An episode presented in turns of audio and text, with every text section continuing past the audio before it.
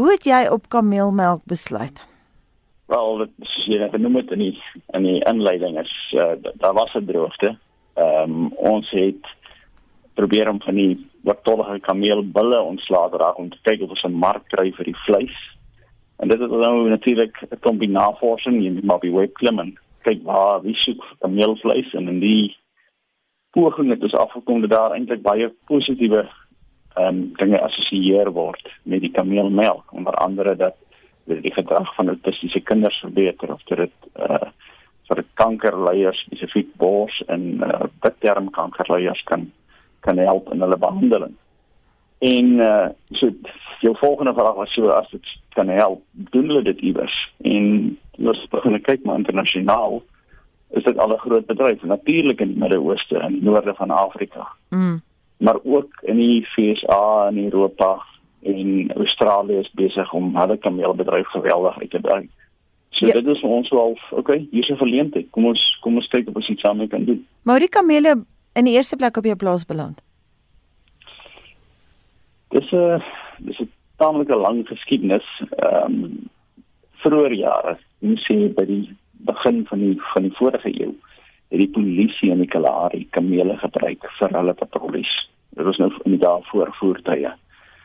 En uh, toe die polisie uiteindelik hulle voertuie kry, het die kamele natuurlik vir hulle oortolle geraak en hulle die goed in privaat boere verkoop. So my oupa het in die 50s al kamele gekoop en die kamele was maar op die plaas. En uh so nou en dan was daar 'n ou wat hulle 'n kameel gekoop het om te ry iewers. En dit is eintlik maar die gebruik van die kamele, maar dit was nie regtig 'n bedryf nie. Dit was net net teenwoordig. So dis dis waar hulle vandaan kom. Hans, ons het almal gewonder gister hoe melk mense kameel. Ja, sy net kort aan dat dit soos jy koei sal melk, maar dis omtrent al waar die wat inkomste eindig, want uh, by as jy nou dink aan 'n plaas waar jy koei melk nie, nie jou industriële melk opset nie. Van wat jy immer jy sit dan tussen jy nie meer en jy til by die koei en jy melk.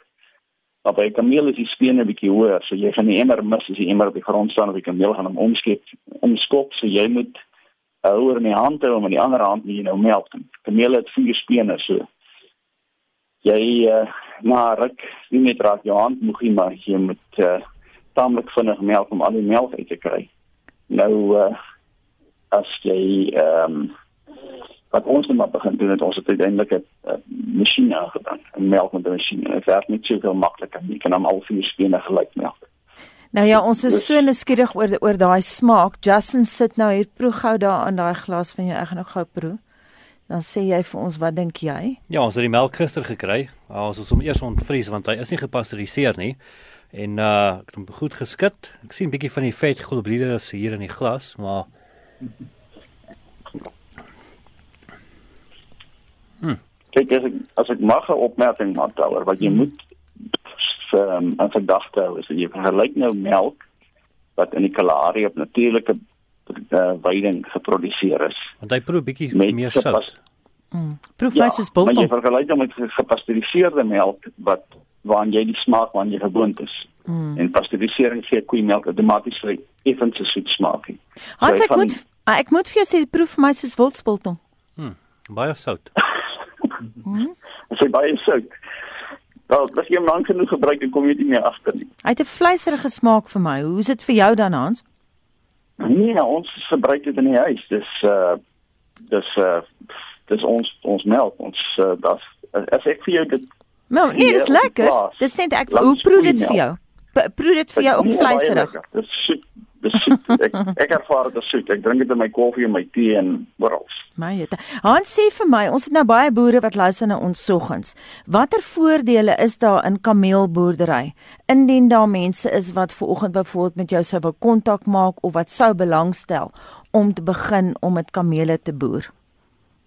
OK, wel, ek dink van 'n van 'n boer perspektief dis wonderlike diere om mee te werk. Hulle word maks soos ek wil amper sê 'n perd ek wil nie as jy sê melk en hulle raak totale almak.